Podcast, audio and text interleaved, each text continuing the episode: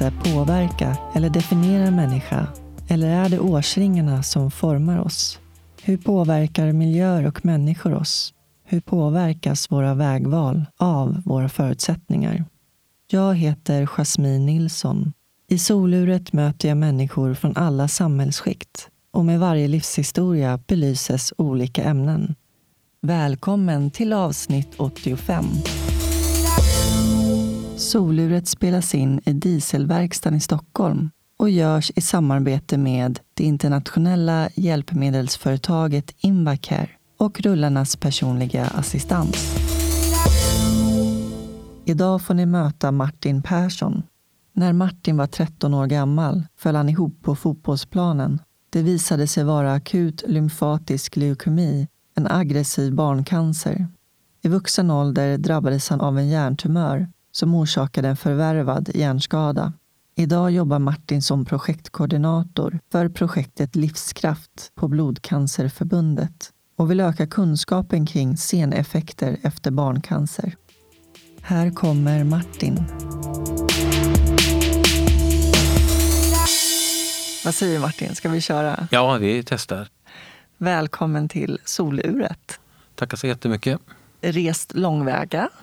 Ja, jag har rest en liten bit eh, söderifrån, eller västerifrån, man säger så. Ja, från Göteborgstrakten. Ja. Jag känner mig så ödmjuk när mina gäster reser långväga för att komma och vara med i mitt lilla solur. Det är jag tacksam för. Ja, vad gör man inte för att få ut det bästa på något sätt? Ja, ja. Det var så jag kände. Så eh, det får vara värt allt ja. och lite till. Hur mår du? Eh, nej, men det, jag mår bra. Så att, eh, jag är ändå positiv och taggad. Härligt. Positiva vibbar. Så att, ja. ja, men det är bra. Det är så det ska vara. Mm. Eh, du är projektkoordinator på Blodcancerförbundet ja. med ett projekt som heter Livskraft. Stämmer. Kan du berätta lite om det? Livskraft är ett projekt som eh, handlar om cancerrehabilitering. Där jag kom med ganska så sent i det här projektet här i februari, inne på det sista tredje året. Det kommer att slutföras sista oktober. Det handlar väl om att vi ska kunna skapa verktyg, samla länkar, en, eh, en slags vägledning för människor, gammal som ung och oavsett och anhöriga, att man kan hitta in till en webbsida där som heter Allt om cancerrehab. Då, där man kan hitta väldigt matnyttig information och vart man ska vända sig i all den här vårdapparaten. Och mm. Ibland alltifrån myndigheter också i de här bitarna och mm. vad det nu kan vara då. Eh, så där har vi försökt att jobba mycket med få in material och, och länka mycket till eh, olika organisationer som vi försöker samverka mycket med som Cancerfonden eller Cancerrevfond och sådär. Så att, eh, jätteintressant och det passar mig som var redan faktiskt när jag fick chansen att komma in i det. Ja, det måste vara värdefullt att ha med någon som du som har egen erfarenhet. Ja, det var väl det som jag känns ju, nu får jag själv ta på mig själv lite grann där, men det, det var det som också man vet, visste om mig också då, det att jag har ju mina egna erfarenheter också med mig och som möjliggjorde att jag fick den här chansen också då. Och eh, sen kom jag ju med här eh, sen förra året eh, innan sommaren i, som styrelseledamot i Nätverket mot cancer också då. Sen är jag ju engagerad, jag vill ju ta mm, ännu mer steg framåt i det här och bidra med mig och ge vad... Ja, jag gillar verkligen det här med att träffa människor. Jag vill förändra. Jag vill liksom mycket ut i vård och, och se människan mycket mer. Och det finns så mycket förbättring att göra för alla. Mm. Jag tycker om eh, namnet på projektet Livskraft. Ja, det var det som väckte mitt intresse faktiskt när jag såg det namnet när de sökte en projektkoordinator. Så jag kunde liksom inte släppa det ordet och det var precis eh, hade det varit för några år sedan så hade jag inte ens vågat söka det här faktiskt. Så, så var det. Så min självkänsla har inte varit bra tidigare. Nej, jag förstår. Men då tycker jag att vi tar det från början också. Du föddes den 18 mars Stämmer. 1973. Mm. Vart kommer du ifrån? Kommer från en liten ort som heter Björktorp som ligger eh, precis mellan Borås och Varberg. Eh, där, Viskadalen. Min barndom har varit väldigt fin. Eh, mina föräldrar drev en gård vi hade allt från kossor och till andra djur och sådär. Så att det var väldigt eh, en härlig uppväxt och frihet. Och, ja, man var verkligen och fick leka glatta livet som barn faktiskt. Och vara påhittig och ja. Syskon? Jag har en bror, en äldre bror. Mm. Tre år äldre. Hur var du som liten? Jag var väl som liten eh, alltid på upptäcktsfärd. Jag var väl väldigt glad och spontan och en alltid lite skojfrisk och hitta på lite bus. Men ändå liksom, glimten i ögat fanns med mig hela tiden. Men, men också mycket vilja eh, fanns med mig i allt. Eh, jag tror jag kom i kontakt med mycket med det här med att träna mig och se att jag kunde bli bättre på någonting. Det, det fanns med mig redan från början på något sätt. Att jag skulle se, ja, men jag, då testar jag en gång, nej jag testar en gång till eller en gång till och till slut så funkar det på något sätt. Vad kunde det vara för någonting? Nej, det var alltifrån att kanske klättra i träd och helt plötsligt så skulle man göra som alla andra som var några år äldre men ändå så skulle jag liksom inte vara sämre på något sätt. Det tror jag det var väl på något sätt den här tävlingsinstinkten, den fanns med mig tror jag mycket.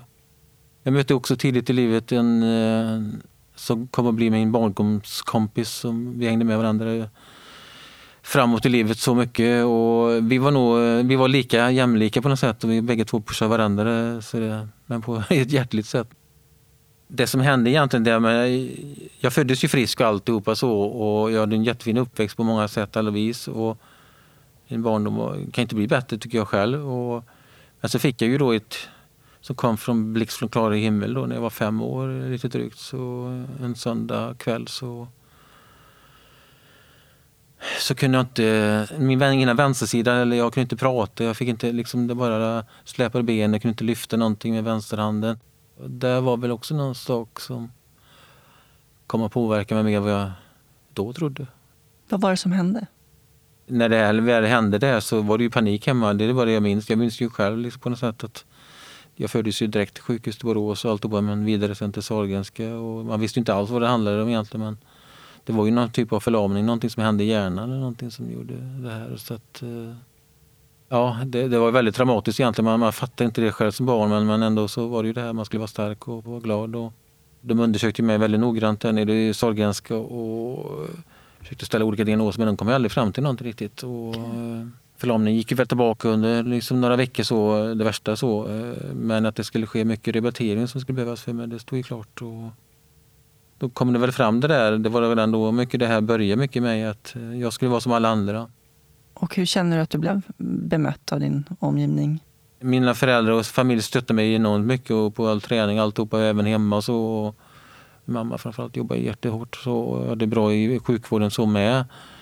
Eh, idag vet jag ju något helt annat det var ju ingen som pratade om hur jag mådde inombords. Eh, och så där. Det, att det var trauma som jag gick igenom och att jag behövde stöd i mycket annat. Och, för det var ju någonting. Jag var ju annorlunda på något sätt. Helt plötsligt jag hade fått en funktionsnedsättning eller variation. Då. Så att, eh, det är klart mm. att det ändrade mycket på mig. Och som person så blev väl också jag kanske förändrad i det här. Men jag var väl det här, kanske där det började mycket också. Att man eh, jag hade idrotten alltid kopplat på på något sätt. Det, det var, var det ingen som skulle ta mig på något sätt och jag tränade bara mer för liksom, och de andra som var, hade alla förutsättningar med sig, det skulle inte, jag skulle ta dem ändå. När jag visade det så var det på något sätt självförtroende. Men skolan gick ju ändå bra sen ändå och jag kom tillbaka. Och... Det låter ju som någon stroke tänker jag, ja, just när det blir ena sidan. Mm. Sådär.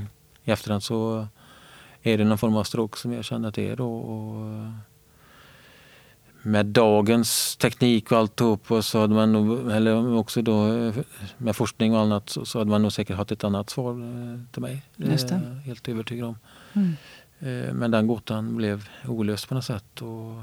Jobbigt att inte mm, det, det få en diagnos. Alltså. Ja, det, det, är det faktiskt. Det är mycket, jag tänker mycket på eh, efterhand. Så det, det är väl det som kanske redan då märktes mycket i sjukvården att man jobbar bara med det fysiska och jag skulle liksom återställas bara. Men hur jag skulle må annars och psykiskt eller det man vet idag. Eh, det där var ingen som sa. Eller, mm.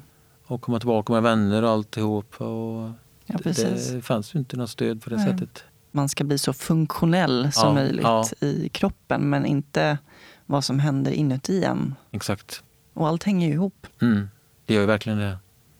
Det har tagit väldigt lång tid att förstå alltihopa för menar, då visste ju inte jag eller mina föräldrar eller någonting eller vad, vad kunde vi få eller sådär. Men jag hade väl hjälp av barnhabilitering sen och alltihopa men det, det, var väl också på sitt sätt men då ansåg jag också kanske att jag var för bra för det med på något sätt så jag hamnade lite grann. Och, men, men ändå, det. ja, det, mm. man kom i kläm på något sätt. Det är så jag känner mycket sen faktiskt. Och, Framförallt hur man skulle leva med sitt handikapp sen. Det, man, det handlar inte bara om att man har klarat just det här eh, typen av barnförlamningen och rehabilitering utan det, kommer ju alltid fortsätta på något sätt för mig mm. och det var ju livslångt.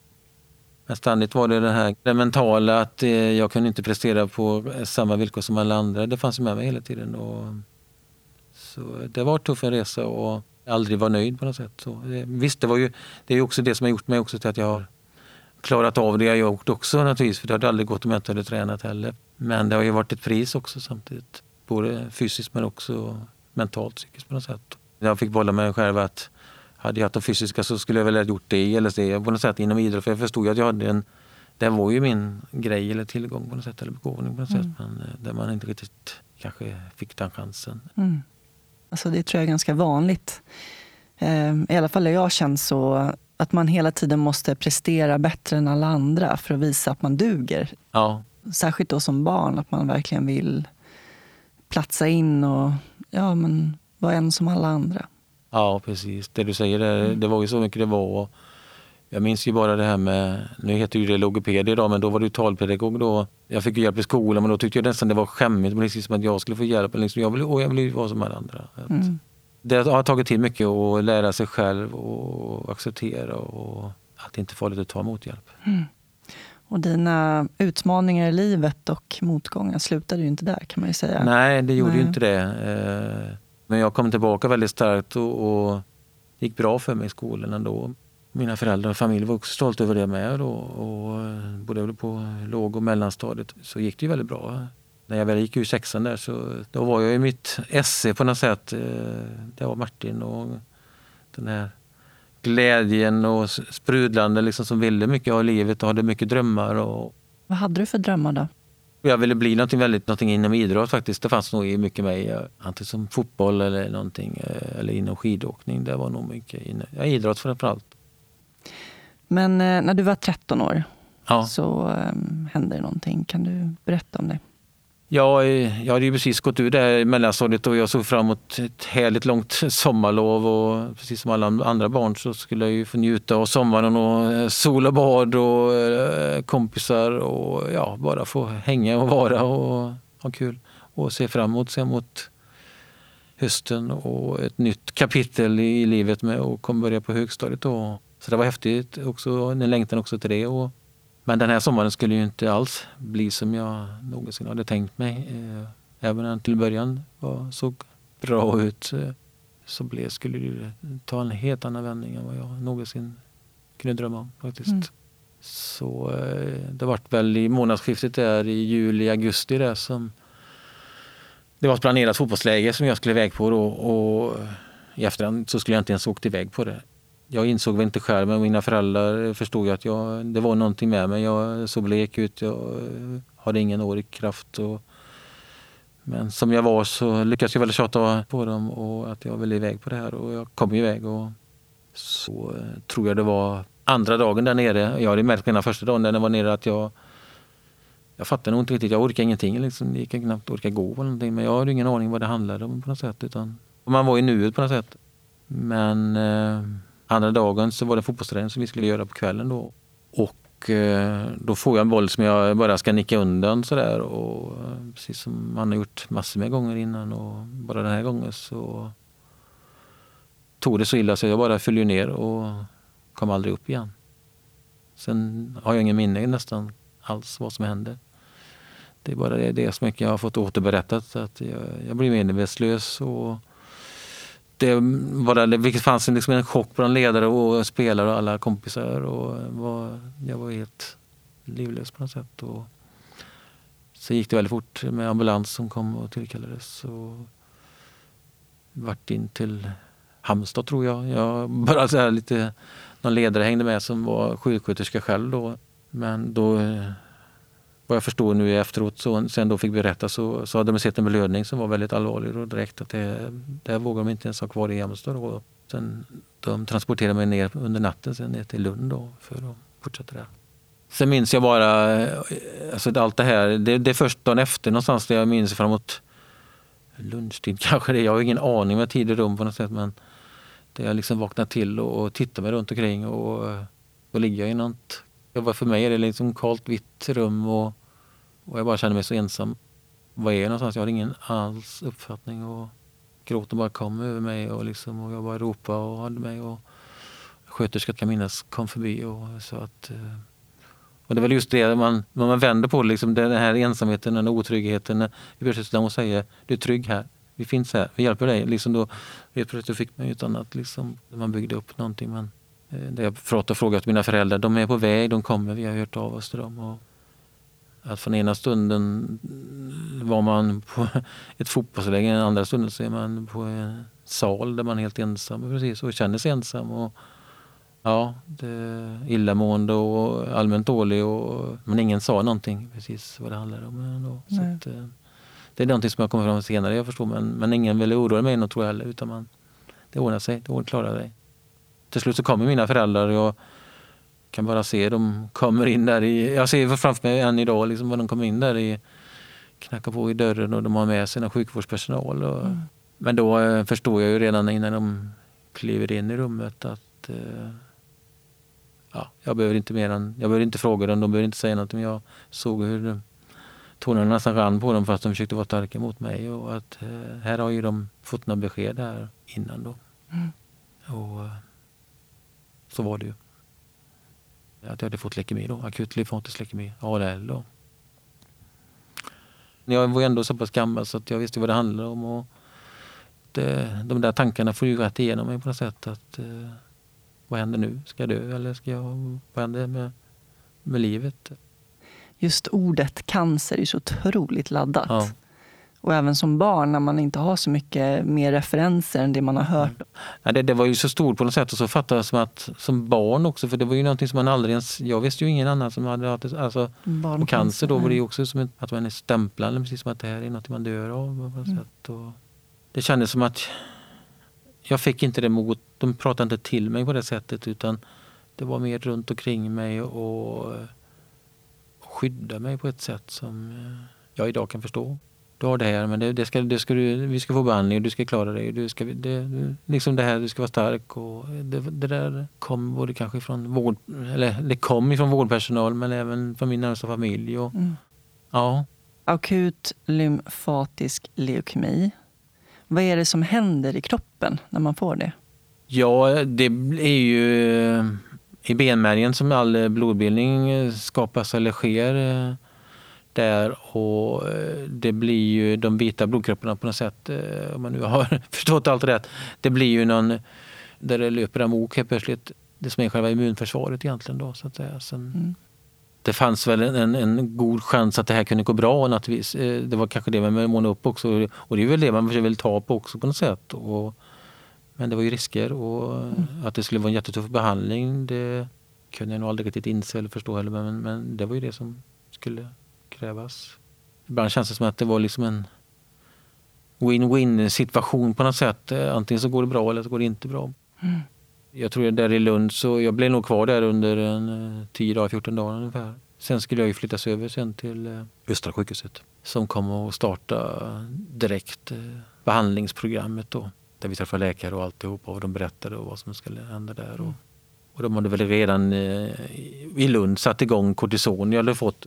Men, men det var ju ofantligt mycket information att ta in. Och, men, mm.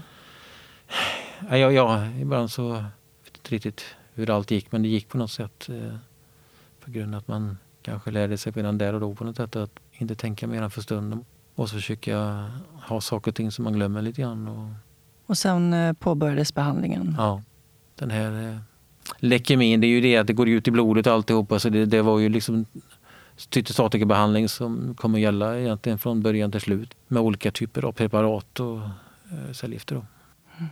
Hur såg livet ut då? Eh, ja, i början perioden så förstod man att då, det var ju då man skulle, eh, som, komma, som skulle vara och komma bli den absolut tuffaste delen de första månaderna där. Eh, för då skulle man ju liksom få ner, få ner en schack liksom. Så då vart det kanske en två veckors behandling månad till fredag och låg ju kvar då eh, på sjukhuset. Men, och så startade man upp igen och så där och fortsatte samma vecka igen. Eh, så det var ju så det rullade några veckor där. För mig var jag på en helt annan arena, på en helt annan plan om man säger så. Eh, de andra, mina klasskamrater eller de jag skulle möta eller vara med då, de var på sitt ställe, eller sin arena om man säger så.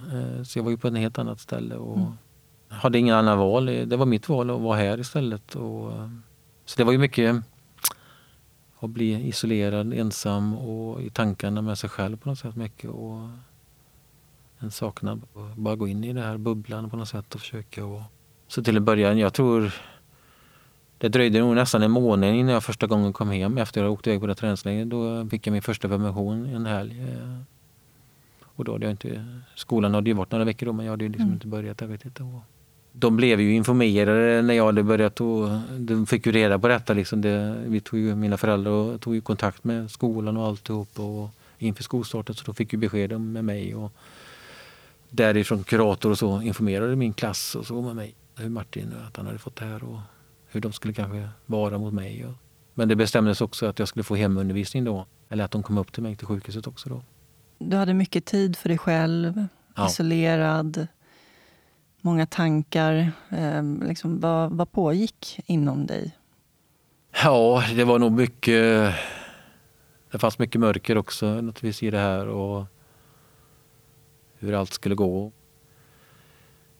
ja, en, en saknad, en ensamhet på något sätt. Jag, jag ville ju, det var ju det här, jag ville ju ha ett helt annat liv egentligen. Men, men det fanns ju inte. Det, det här var ju det. Nej, det, det var fruktansvärt. Det var mycket tankar och känslor som kom upp och bubblade hela tiden inom mig.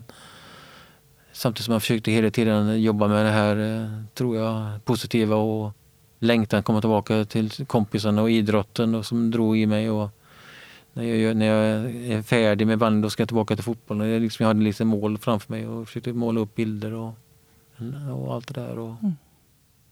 Tänkte du på döden? Där fanns det. Det, gjorde det. Mm. det fanns mycket, mycket i, i mig också faktiskt. Eh, det gjorde det. Fast eh, jag inte sa det till någon. Hur ser det ut runt omkring med eh, eh, terapi eller någon form av psykologiskt eh, stöd? Blev ni erbjudna det eller fanns det? Ingenting faktiskt. Nej. Det fanns inte alls. Så, Vad eh, tänker du om det idag?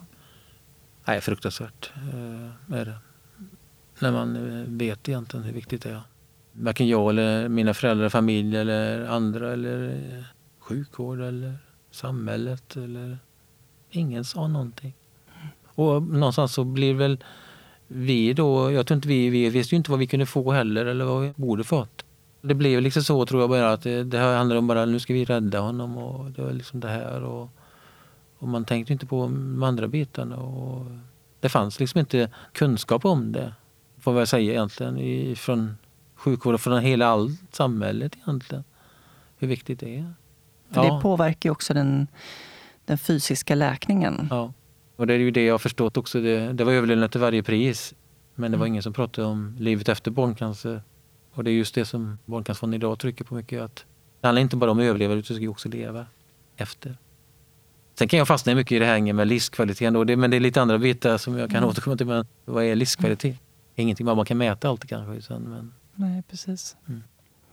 Men um, hur um, fortlöpte behandlingen? Och det, det kommer bli en väldigt tuff resa, framförallt i början då när man liksom ville få ner sjukdomen i renässans, man säger så, och få ner och trycka den. Och jag var ju otroligt immunförsvarskänslig, vilket vi hade blivit förvarnade om, jag vet. Så jag hade under långa perioder där inte alls något immunförsvar, det var helt nollat på något sätt. Jag var ju farlig för minsta infektion, alltså mm. farlig för mig själv på något sätt. Och jag kommer också bli blåskyltad som det heter då, då var man isolerad i ett rum eh, under en del veckor. Eh, där bara min mamma fick vara med jämte mig där inne. Och så var det som en sluss in eh, där personalen kom in. Alltså helt jättevunderad. Man tänker sig nästan som covid-19 idag med ja. pandemin. Då, det var så de kom in till mig. Surrealistiskt verkligen. Ja, så var det. Och kom in till mig då. Min mamma fick vara inne hos mig då. Så det, det vart ju också jättetufft. Och jag kommer ju få mycket biverkningar också med, av behandlingen väldigt snabbt också. Och svampinfektioner och jag inte ens kunde öppna munnen eller kunde orka äta. Så jag sjönk i vikt, rasade i vikt jättemycket där också under en del veckor. Och den var tvungen att sätta in eh, mycket näringsdropp och sånt. En kropp som förvandlades. Från, jag var ju sån idrottskille från början och jag kan se bara framför mig smärtorna liksom när jag bara låg där och liksom allt bara förtinade muskulatur och allting. Och när liksom cytostatiken också kommer in och kortison och allt bara tar bort. Och det bara, ja, det är som muskelvärk så det går liksom inte ta på det på något sätt. Och när jag bara skrek efter lugnande och smärtlindring. Och, och det här illamåendet som jag alltid eh, kommer ha, ha från första början till slut. Eh, och Ja, alltså det, jag vet inte riktigt. Det som var magsjuka hade jag ju hela tiden på något sätt. Men det man inte ens kan få upp något mer. Och sen, sen då fortsätter man. Och det fanns ju inte mycket mot illamående heller faktiskt då. Vi försökte ju, det var ju behandlingar nästan varje dag under veckorna och till en början så var det mycket inneliggande och så. Perioder fick man ju vara inne också mycket med behandlingar och så. Men i den mån vi kunde så försökte vi åka in över dagen då.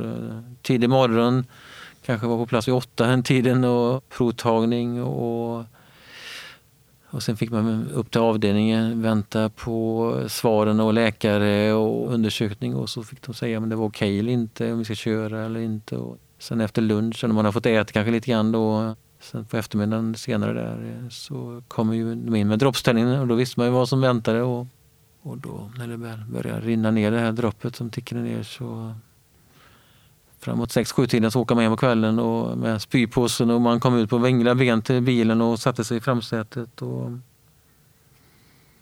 Många gånger så skulle man nog aldrig ens åkt hem men jag ville försöka komma hem och få lite byta miljö, det jag kunde i alla fall. Mm. Men det, det var inte mycket till att komma hem till ändå för det var ju bara att komma hem och lägga sig och sen så började jag sätta sig och må illa hela kvällen och natten och sen så när man väl repat mod till morgonen och fick i sig lite frukost så var det samma procedur, samma var in till sjukhuset, provtagning. Och jag har en del starka minnen som det finns. Det var ju, jag hade kommit iväg till skolan vid ett tillfälle och hade varit i skolan under dagen, några timmar så där, och skulle hem då. Det var ju färdtjänst jag fick ta. Jag fick ju inte åka ens egen buss heller. Utan, eh, och gick jag in till skolan så var det ju med munskydd och allting. Och det är klart man var annorlunda redan från början. Liksom. Man satte sig i en taxi. Och, men det här tillfället som jag tänker på det var framförallt eh, jag märkte i taxin hem att eh, jag fick inte fram några ord. Jag kunde inte prata helt plötsligt nästan. Uttrycka mig.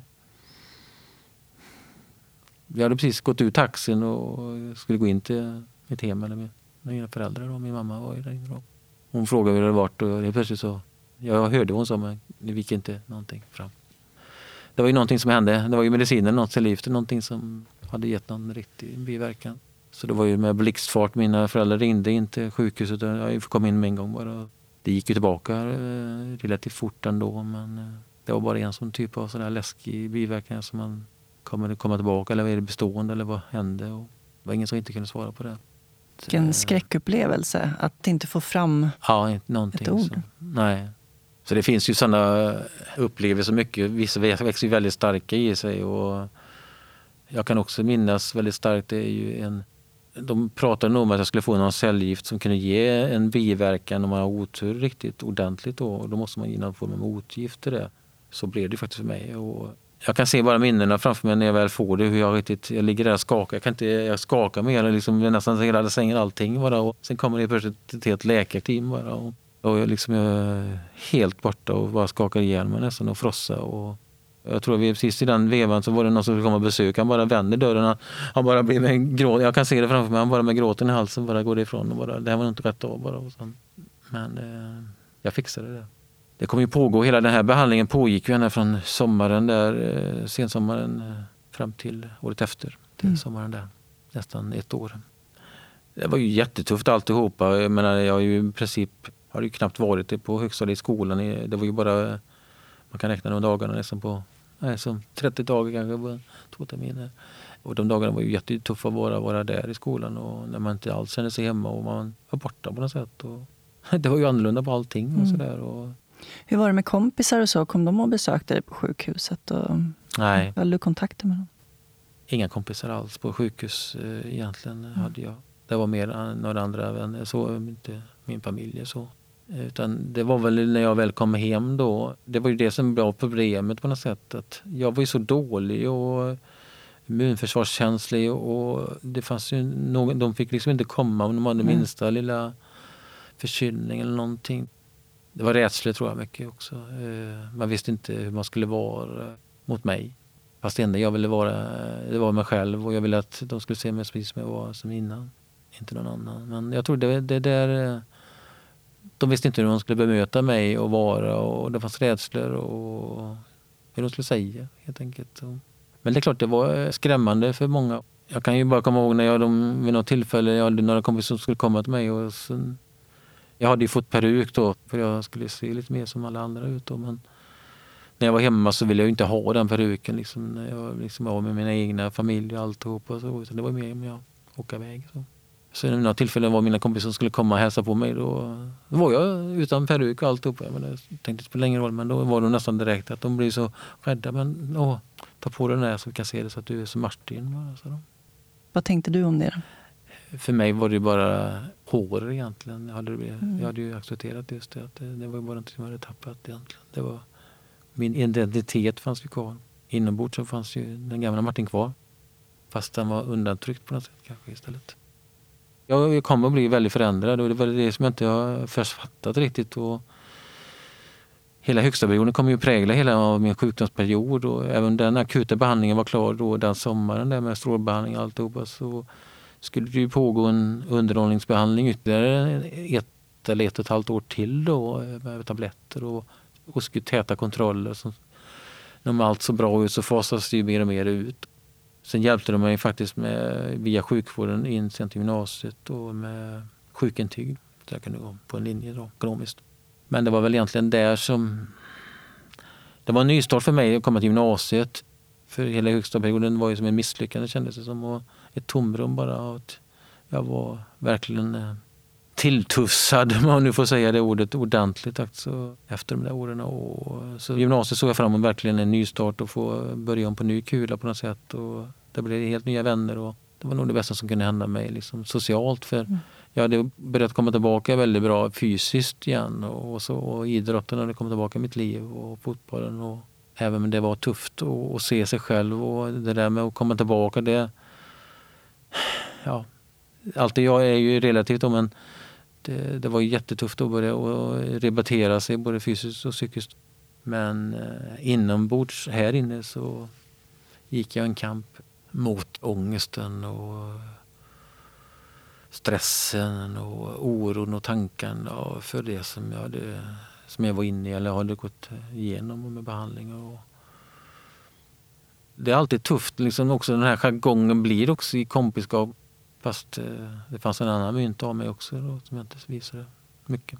Men eh, det var eh, verkligen mycket en fasad, eh, både för vänner och kompisar också. Liksom det här. Och man, man kan ju tänka tillbaka mycket idag när jag pratar med dig. Liksom man tänker mycket hur man kände sig där och då. Men, men det var ju liksom eh, jargongen och mycket med kompisar. Det är lite hård snack ibland. Är du trög eller sådär? Och man, men det är klart jag var påverkad cytostat men jag kunde inte ta på det själv. Jag det var ju hjärntrött redan där och då. Fast de bara skämtade om det. Men. Ett minne jag har också, jag måste faktiskt ta upp det med, men det, det är ju när jag är under pågående behandlingsperiod där i sjuan. Och de där få dagarna som jag är med i skolan, så det var ju precis i början där också. Så blev jag ju mobbad också faktiskt där. Från elever eller från, där från nian då. På vilket sätt? Hur jag såg ut. Att jag, jag var ju liksom uppsvälld av kortison i ansiktet och kroppsligen. Och det syntes ju på mig att jag var annorlunda och drog mig undan. och halt. Alltså Det fanns ju så mycket fysiskt eh, att jag var svag. Och då kämpade du för din överlevnad och så skulle ja. du behöva ta det också? Mm. Så var det precis jag kände. Tills jag orkade säga det till min familj och alltihopa. Och sen så försökte, tog de i kontakt med skolledning och rektor och alltihopa. Och det blir nog först sen nästan när det blir inkopplat med skolledningen och rektor till slut som tog det på allvar. Nedtryckt som man var och bara skulle försöka bara komma till skolan. Det var ju en kamp bara att komma till skolan och vara någonting. Och, så man hade ju ingenting att stå upp med heller, varken fysiskt eller psykiskt eller verbalt eller någonting heller. Det var bara som att ta emot på något sätt. Hemskt. Så eh, det är sådana starka minnen med. Och jag är glad ändå att det, det stoppades ändå. Men, men det är ändå ett minne som finns där ändå. Och tyvärr så, jag vet mer barncanceröverlevare som också har utstått, men som kanske, ja, nu ska man inte jämföra men som har ändå haft det ännu tuffare kanske också på något sätt. Men bara att det finns där och ändå, och det gör en så ledsen. Och, mm. Jag pratade om det här med drömmar, vi tänkte med idrott och så, men jag hade ju drömmar naturligtvis med, med vad jag ville göra sen i framtiden. Jag ville jobba med människor. Jag tror det alltid fanns med mig. Jag ville göra skillnad på något sätt. Hjälpa och stötta, coacha. Det har växt fram så mycket mer inom mig. Självkänslan har ju varit något som har eh, varit så dålig på mig. Så att, eh, jag har inte trott på mig. Och jag tappade ju den i princip när jag väl kom till gymnasiet. Men jag mådde fysiskt bra men psykiskt mådde jag jättedåligt. Och sen blir ju skolresultaten gick ju bara rätt ner. Mm. Och jag kunde inte förstå vad det handlade om heller. Och ingen vidare stöttning hade jag heller i skolan. Inte alls. Så där släpptes allt för mig. Jag klarade att komma ur skolan men det var inte mer än så. Alla pratade om sina betyg och studenter och vad man hade fått. Och, men det var ju bara liksom att le och glädjas med alla andra. Och, men inombords mådde jag ju så dåligt för jag, jag hade ingenting att visa upp kändes det som. Även om jag hade klarat studenten. Mm. Nu tar vi en kort paus och ringer upp min samarbetspartner Invacare. Joakim från Invacare. Tjenare Joakim, det är Jasmin från Soluret här. Hejsan hejsan Jasmin. Hej, hur är läget med dig? Jo, men det är alldeles utmärkt. Världen har börjat komma tillbaka till lite mer normala gänger så att det är, väl, det är helt okej. Okay. Och hösten är antagen också så att det, det är bara bra. Ja, det är ju mycket på gång nu med Invacare och mer att man får träffas och det har ju nyligen varit mässa också. Det stämmer. Första mässan efter eh, corona så var det hjälpmedelsmässa i Umeå den 12-13 eh, oktober. Och det var uppskattat av alla tror jag. Att dels att få bara komma ut och träffa folk och eh, ha vara lite mer normalt.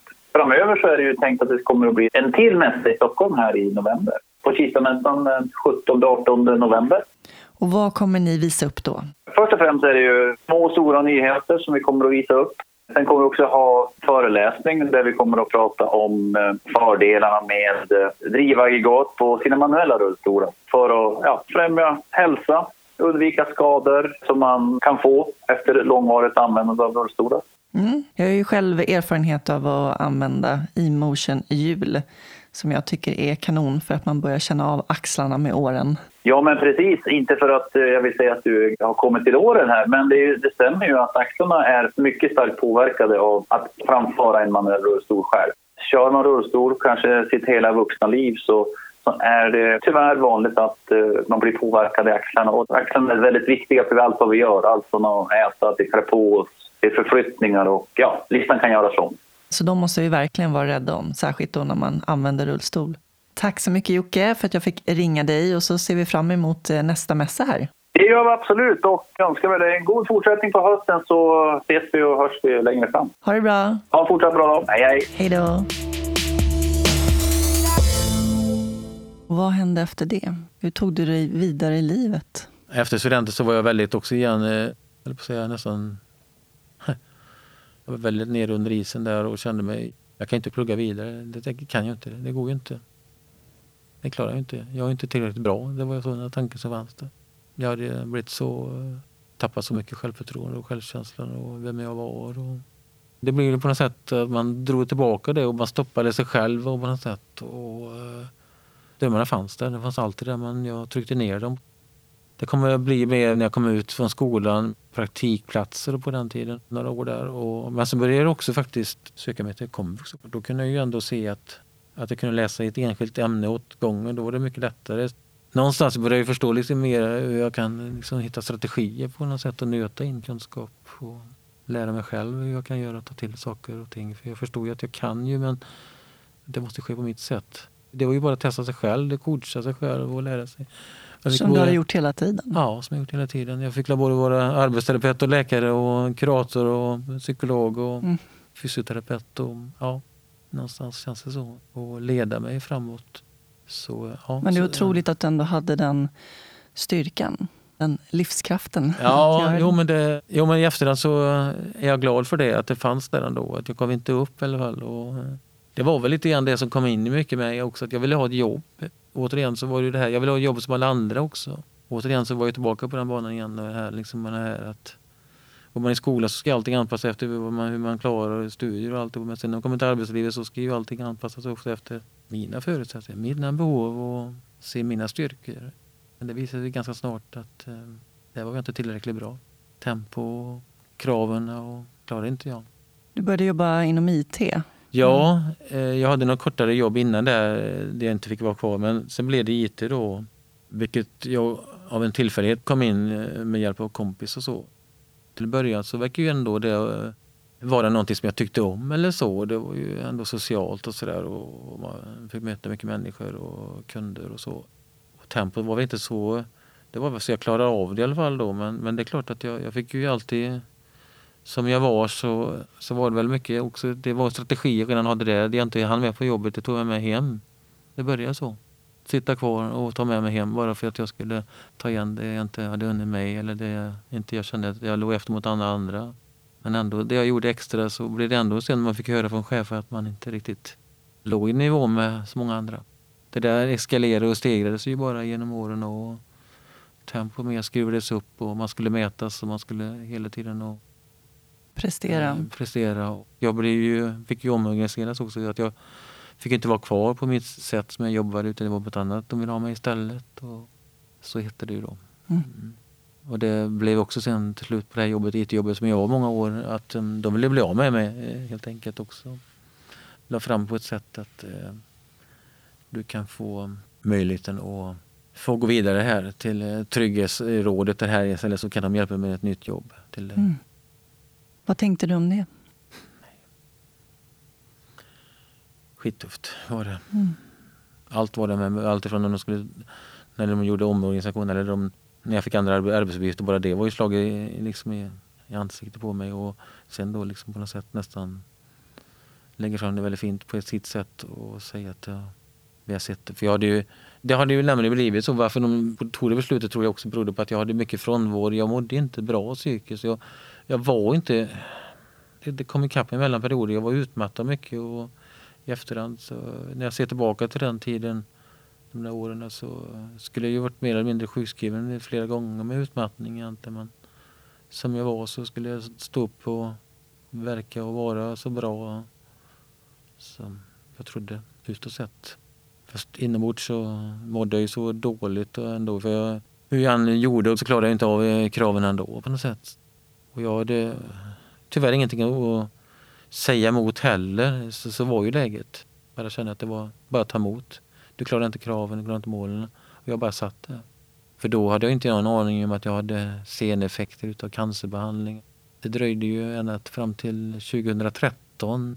Först då får jag information om att få komma i kontakt med uppföljningsmottagning då, som är för unga barncanceröverlevare. Då då hade det ju gått nästan, eh, för mig var det ju 25, ja, jag blev sjuk 86. Det var ett projekt som hade startat upp i Lund året före. Där.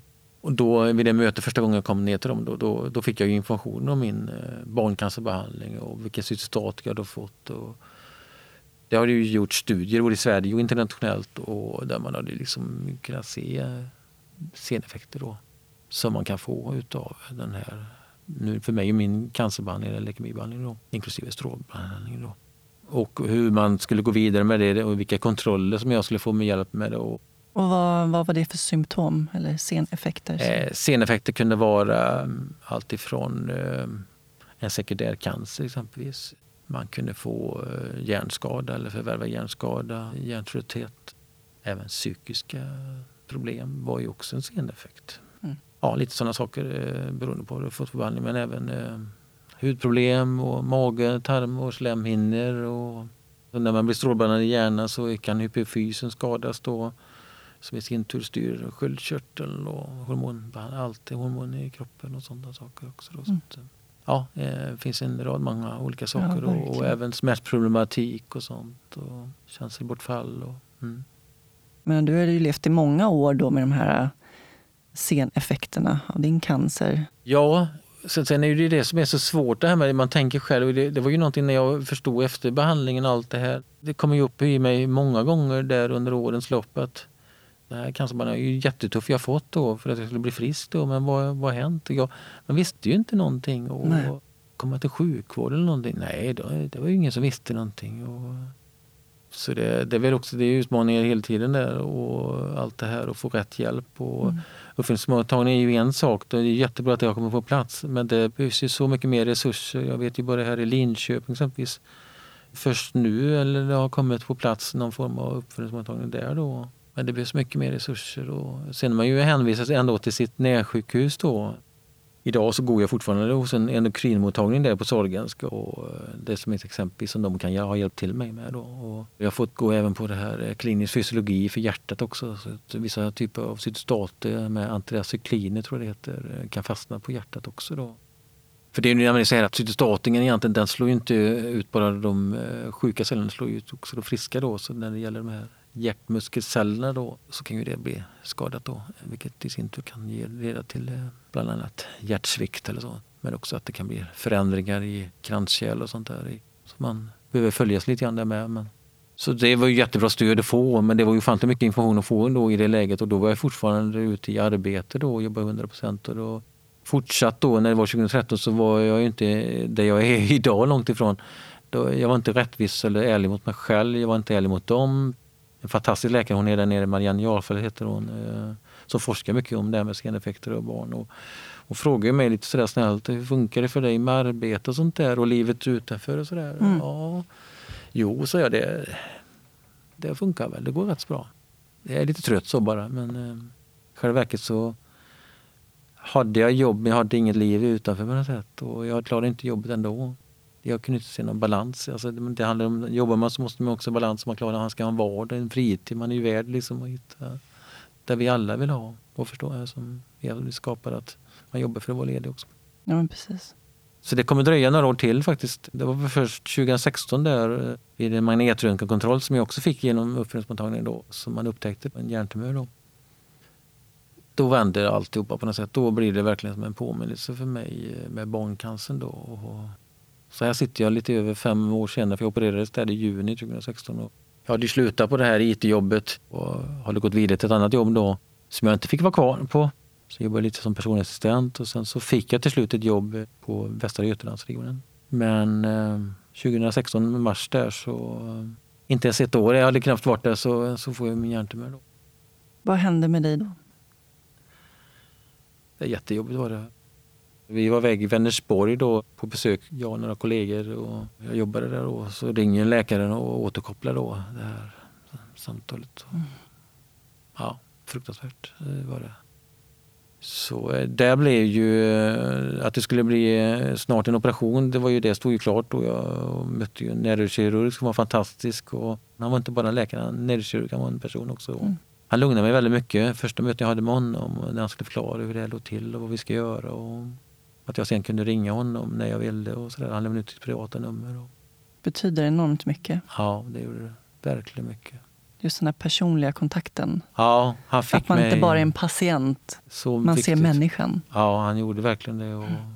Så himla tacksam för det. Och han sa sådana ord som att jag kan förstå. Skulle jag ligga i samma situation som dig nu sen jag får på operation så skulle jag precis känna mig lika orolig och vad som ska hända. Så där. Och han berättade så på sitt sätt. Och det finns jättebra läkare och, så att säga, som kan se en. Och jag målade upp någonstans jag var ju förvånad att det här då ska in i ett område mycket mot min muskulära sida, mycket och vänstra sidan och det kan bli försämrat där. Och ja, jag tänkte jag, jag, det, det, jag kör operationer, det, det andra får komma ska jag på något sätt. Eh, och jag ska fixa detta. Och det är klart det var nervöst, det var veta vad man skulle ge sig in i. Och men mitt val, det fanns ju ingen val heller. Det, det var det här att köra. Och det var ju risker bara med operationen att göra, liksom, hur det skulle gå. Men också sen hur det kommer att se ut efteråt framförallt. Det kommer att bli en lång operation som jag var helt ovetande om. Så att, eh, nästan upp mot 14 timmar tror jag. Tror sånt där. Men ofta så tar de väldigt långa de här operationerna vilket är väldigt vanligt då, mm. vad de har sagt sen. Då. Det är klart att det var ju när man väl sen, eh, för jag var ju så påverkad av morfin i början så jag visste inte vad, jag, vad det handlade om egentligen men jag fördes ju upp sen till avdelning och sådär Jättejobbigt var det faktiskt. Man låg helt bandagerad liksom, runt om mig och hade jättesmärtor också så. Och jag kunde inte röra mig någonting. Du kunde inte röra dig alls? Nej, hela min vänstersida var liksom mm. borta. Mm. Då, när jag väl kommer upp till avdelningen då, när jag märker liksom att jag bara ligger där, behöver hjälp med allting. Typ toalett och de här basala grejerna som alla tar för givet på något sätt. Det behöver jag hjälp med det. Och... Då känner man sig inte så stor direkt? Nej, det gjorde man inte då. Så det, det var väl det som var det synbara då på något sätt. Men jag kan känna igen mig någonstans att jag tog det ändå bra på något sätt. Men det var nog att jag hade lyckats på något sätt lura mig själv. Och nu tar jag operationen först, det andra får komma sen. Och så att liksom bryta ner det och hitta någonstans eh, någon styrka och en sak i sänder, en liten bit i taget. Och fixar du först den delen så ska du fixa det andra. Och... och vad blev konsekvenserna av operationen? En förlamning för mig helt mm. enkelt. Och att jag skulle det stod ju klart, de var ju väldigt rädda att inte alls kunde röra mig då. Eh, så de kontrollerade mig en hel del eh, nervkirurgen och så. Men jag hade någon lite grann i fingrarna, lite grann eh, på rörelse sådär Och då förstod de att här finns det ändå hopp att det kan komma tillbaka. Mm operationen var ju en sak men sen vad som ska komma efteråt, men det var ju nervsmärtor, mm. det var mycket andra saker och hjärntrötthet och man kanske fick lite förklarat att det kan komma till lite hjärntrött men det är så mycket mer saker som kan komma till som kommer efteråt. Och det visade sig sen när jag väl kom ut till Borås, jag fick ju en propp i benet och sådana saker. Alltså det var ju mycket som kom i debatteringen. Och plus att jag hade ju en det här har ju slagit mot min sämre sida också då, eh, som redan var utsatt. Då. Men det. Alltså det, det vart ju en annan resa det var mycket fokus på det fysiska så och de berättade att jag hade fått hjärntrötthet och sådana saker men det var ju väldigt nytt för mig att få en hjärntrött. Jag hade ju ingen riktigt koll på vad det var faktiskt. Så det tog jag väl inte till mig utan på något sätt eh, i början. Det var ett jättebra team jag fick där i Borås med ett hjärnskadeteam och det fanns både läkare, psykolog, kurator och fysioterapeut, arbetsterapeut, allt där. Men de såg väl att jag skulle försöka komma tillbaka fysiskt på något sätt. Och det var väl det mitt mål också var mycket. Och jag gjorde ju väldigt starkt framsteg väldigt snabbt. Men jag ville ju för fort allting framåt. Vilket jag fick vara värst om att eh, det är bra vilja men det här kommer ta tid och det måste ha tålamod. Det, det var ju det som gällde, det kommer att gälla mycket. Och, så man har ju lärt sig mycket. Man kan skynda men inte gärna säger en sak men kroppen ska hänga med också. Mm. Första gången jag fysioterapeut får upp mig på cykeln och det var ju mycket sängliggande jag var och sen var det ju rullstol och rullator och allt det här. Men glad som jag var och försökte vara liksom, nej men det här är inga problem. Så försökte jag cykla. Men alltså, han fick ju binda fast mig nästan med pedalerna. Men jag hade ju inte alls koll på kroppen. Gärna så att nu vill inte bara cykla men jag kunde inte cykla. Det var nöta små, små moment och små, små saker mm. för att få hjärnan att liksom uppmärksamma att den ska hitta kontakten tillbaka igen, de här synapserna. Men eh, det gick framåt. Eh, men det, det är ju en otrolig resa att göra och så. Idag lever du också med hjärntrötthet. Ja. Kan du berätta vad innebär det? Hjärntrötthet är ju den mentala uttröttbarheten då man pratar om och eh, förklarar ungefär som att man eh, hjärnan kan ta helt slut. Det blir ungefär som en hårddiskkrasch kan man säga nästan som man får på datorn egentligen. Så här. Från ena stunden så blir man andra stunden så liksom är man inte det längre. En bra beskrivning kan jag väl säga, det tycker jag själv faktiskt, det är nog det här med batteriet egentligen. En frisk människa när den vaknar upp på morgonen har ju ett fullt 100% laddat batteri. De som är hjärntrötta då max 50% kanske från början. Plus att det laddar ur sig mycket snabbare än den som är frisk då. Så det är väl mycket det det handlar om. Mentala uttröttbarheten är ju liksom det här att vi, mm. man tål man sämre med intryck och så kommer det oftast mycket med kognitiva saker också i det hela. Allt från koncentration, uppmärksamhet och initiativ och stress och minne. Och mm. Man får hitta strategier och, och allt är så individuellt. Varje hjärna är ju så unik. Även om man har samma hjärntumör eller stroke eh, från ena till andra så är det så olikt hur återhämtningen blir och hur stor skadan är. Och det går liksom inte att jämföra helt enkelt utan varje återhämtning är väldigt unik. Men man vet ju att det kan bli bättre med tiden. Men framförallt tror jag det handlar mycket om också, när man säger att det bättre, jag tror det också handlar om hur man själv eh, till slut inser vem man är och vad man kan och, och hittar eh, acceptansen. Tror jag. Det måste man göra.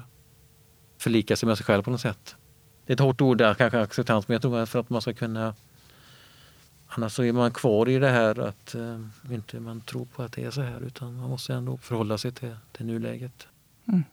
Men det är en jätteresa och det kan ta många år. Och plus att hitta de här strategierna och kompensera för att göra det som du mår bra av och, men ändå känna att du har någonstans ett liv som fungerar och, och anpassningar. Och, men ändå aldrig glömma att leva livet. Nej, säga. Precis. För det är det det handlar om också. Hur lever du ditt liv idag? Ja, jag väl, nu känns det som att jag är ju på gång alltså, igen. Och det får jag verkligen säga. Och det har varit så mycket som har kommit in i, som har hänt för mig. Allt från det här med 2016 till att jag har kommit in i Barncancerfonden 2018. Första konferensen var i Varberg där. Det var ett oerhört steg och, som jag är så glad för. Och helt plötsligt så träffar man jämlika människor som jag inte hade gjort i hela mitt liv mycket på det sättet. Och prata, möta och träffa nya kontakter. Det har varit fantastiskt. Som en andra familj för mig. Jag har fått vara med på olika aktiviteter, bland annat aktiviteten Leva och inte bara överleva. Då. Som var väldigt nytt för mig framförallt. Där man fick gå tillbaka i det här eh, när man var sjuk och ta i det här traumat. Och det var först då jag egentligen fattade att det var ju trauma som jag gått igenom. Hur var det att komma till den insikten? Det, det var tufft, det var tungt, eh, men så oerhört nyttigt. Och de kursledarna som var med, den ena kvinnan, hon, Charlotte Chile heter hon, hon är själv barncanceröverlevare och har gått en resa som var, jag förstår verkligen. Och jag kommer ihåg jag frågade henne vid något tillfälle där på Ideborg och så sa jag, jag har varit förlamad också. Så frågade jag lite så försiktigt, är det, är det trauma jag har gått igenom? Hon bara, klart det är Martin, sa hon bara. Så det, där var det mycket och liksom och, vi var ju olika människor då, det är liksom en dynamisk grupp på något sätt men vi har ju olika sätt att hantera hur vi hade gått våra vägar och hanterat mm. känslor. Jag hade ju bara borrat ner i mig och bara ryggsäcken blir bara större och större men en del har det kanske varit, haft en ilska och frustration och jag hade mer varit det här att man ska vara tacksam att man lever och skyddat mig och, eller som på något sätt andra och inte vilja säga för mycket. Och, och inte ta hjälp för jag skulle vara stark. Det var ju bara det jag hade hört hela mitt liv. Mycket det här styrkan, att man ska vara tålig. Och... Det var lite den mentaliteten som fanns hos din familj också? Ja, det, det här pratar med känslor, det, det är ju någonting som jag märker fortfarande än idag. Jag har ju varit sjukskriven nu mycket sedan 2016 och bara den saken. Ja, men det är precis som man, man vet det liksom. Ja, men du kan inte prata mer om det då utan så även på familjesammankomster så kan det vara lite jobbigt faktiskt. När man, men det har jag liksom också fått bearbeta mycket och jag får liksom filtrera väldigt mycket. Mm. Vad innebär det för dig att vara människa? Jag vill vara en förebild på något sätt. Jag vill vara en ambassadör och för att eh, man kan komma framåt på sin väg. Även den kan vara väldigt snårig, den kan vara väldigt som en berg och dalbana. Men målet där framme kan alltid man se. Och kan man hitta någonstans den här styrkan, modet, hoppet, kraften på något sätt och hitta saker och ting som gör en någonstans där man kan hitta kraften. Ja, den, naturen, idrotten var ju varit mycket för mig. Och promenader och omge sig med människor också kanske som, som ser dig för vad du är. Att jag, eh, att jag är just jag, Martin, och det är väl det jag vill vara. Jag vill tillbaka på något sätt. Jag vill försöka se det jag var innan jag fick min leukemi. Det är det jag vill liksom se, den här sprudlande, glada och nyfikna Martin. Och den som hade drömmar. För drömmarna finns ju kvar fortfarande. Då passar jag på att fråga, vad drömmer du om? Jag är på rätt spår. Eh, äntligen, får jag nog säga äntligen det. Sen jag kom in i det här med Blodcancerförbundet, i det livskraftprojektet. Eh, jag eh, älskar sånt. Jag älskar också mitt engagemang i styrelsen där för Nätverk cancer. Där jag fått få vara med mycket i jätteintressanta seminarier och olika aktiviteter och sånt. Och med människor som man inte ens hade en aning om att jag skulle möta annars. Det, och det är ju verkligen nu kommer jag in på den sätt, det här jag möter människor nu helt enkelt. Och jag vill förändra, jag vill bidra. Jag vill bidra med min egna som patientföreträdare eller spetspatient eh, med det jag har gått igenom. Och jag vill se till förändring också mycket till samhället, beslutsfattare och vi många har så mycket kunskap och insikter som man går miste om. Och framförallt kommer man in på arbetsmarknaden så gör det män också mycket berörd just det här med de som har funktionsvariation och funktionsnedsättningar. Att man ska inte se sjukdomen, man ska se människan, hela människan. Och att det här kan du göra ändå, men på ditt sätt och vi anpassar detta. Men eh, det krävs ju ett omtag med myndigheter alltihopa och en stor dröm är också att ha det föreläsa faktiskt mycket. Jag hade precis börjat innan eh, pandemin slog till förra året. Så det är en önskan att fortsätta och eh, hoppas jag får en del till att vilja lyssna på mig. Det är jag övertygad om. Tror du på ett liv efter detta? Ja, det gör jag nog faktiskt på ett eller annat sätt att man lever kvar i någon annan form eller på något sätt. Ja, jag kan nog tro på något faktiskt. Mm. Det går vidare på något sätt. När känner du dig fri? Fri kan jag känna mig eh, när jag gör någonting som jag verkligen tycker om, som stimulerar mig. Jag är glad och jag måste klappa mig på bröstet själv och säga att det här kan du, det gör du bra Martin. Det har varit mm. mycket det här att nej men det kanske jag kan istället för att det kan jag. Nu gör jag det. Men göra saker som man verkligen tycker om och våga jag, jag gläder mig så mycket för andra människor att de får gå framåt. Men, och det är väl också det som är med mig mycket, att coacha andra också. Det gör mig väldigt glad. Och det där är också en uh, härlig känsla. När känner du dig sårbar? Jag har blivit mycket mer sårbar. Det jag är där idag, det var jag inte alls eh, för så många år sedan. Eh, jag kan våga prata om känslor.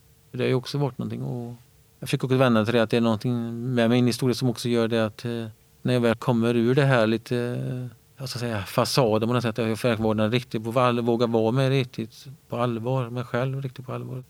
Man får jobba med det. Men jag är på god väg och tack vare så många härliga människor och inte minst dig som har kommit in i det här. Ja, men man får inspiration mycket och jag tar till väldigt mycket från andra människor också. Detsamma hörru. Mm. Det är förmån att komma så här långt. Jag förstår ju det, den resan ska jag ju själv göra men, jag, men det är tack vare många runt omkring mig som de här sista åren. Och det jag försöker säga när jag fick min hjärntumör att det skulle ske någonting positivt ur det. Jag försöker tänka så i alla fall. Nu är det dags att börja ta del av livet mer. För det ska levas också. Det finns mycket, så mycket att leva för. Mm. Jag har missat mycket men jag får inte tänka att jag har missat heller utan det handlar liksom om att lägga det lite åt sidan och inte ha någon bitterhet på något sätt. Jag minns ju när jag fick min diagnos med förvärvad hjärnskada då så var ju det en jobbig sak i sig. Att få svar. Till början så blev det ju liksom att man hade förlorat många massor år och allt från arbete men också hur det har kanske varit jobbigt med att förstå med psykisk ohälsa. Att inte jag hade bearbetat eller med mm. trauma och hur jag ska vara med vänner eller partner. Det har varit mycket sånt och det jag inte tyckt om mig själv heller. Men nu, jag har vänt på det mycket och jobbar stenhårt med det och försöker och nu har jag svaren. Då vet jag. Några lite mer lättsamma antingen eller-frågor också. Kaffe eller te? Eh, kaffe. Mycket kaffe. jag är kaffeälskare faktiskt. Stad eller landsbygd? Eh, jag, jag, får nog passa, jag på säga nästan, jag får nog tycka bägge delarna faktiskt. Jag är uppväxt på landsbygden men jag gillar också det här eh, mm. mixen av eh, stort och smått på något sätt. Bok eller film? Eh, det är nog, nog film. Kött eller grönsaker? Ja, grönsaker. Planering eller spontanitet? Det är nog spontanitet. Se eller höra? Eh, höra. Lyssna eller prata? ja, den är svår, men, men lyssna. Tack så jättemycket Martin för att du delade med dig av ditt liv i soluret. Tack själv för att jag fick vara här och vara med på det här. Det var fantastiskt. Hur är det med batteriet nu då? Jo, det, det går ju att ladda upp i alla fall. Så att, eh, även nere lite på slow motion just nu. Men det är Duracell snart. Här.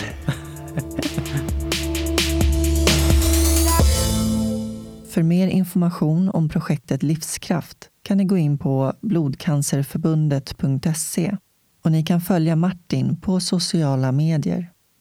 Tack till min huvudsamarbetspartner Invacare. För mer information om Invacare och deras produkter kan ni gå in på invacare.se. Och tack till min samarbetspartner Rullarnas personliga assistans. Rullarnas vision är att man ska kunna leva ett så oberoende liv som möjligt trots sin funktionsnedsättning. Mer information finns på rullarnas.se och ni kan följa dem på Instagram. Jag har själv Rullarnas som assistansanordnare och kan rekommendera dem varmt.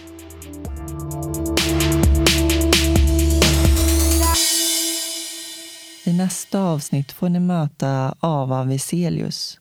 Redan som fyraåring fick Ava vittna om livets skörbarhet.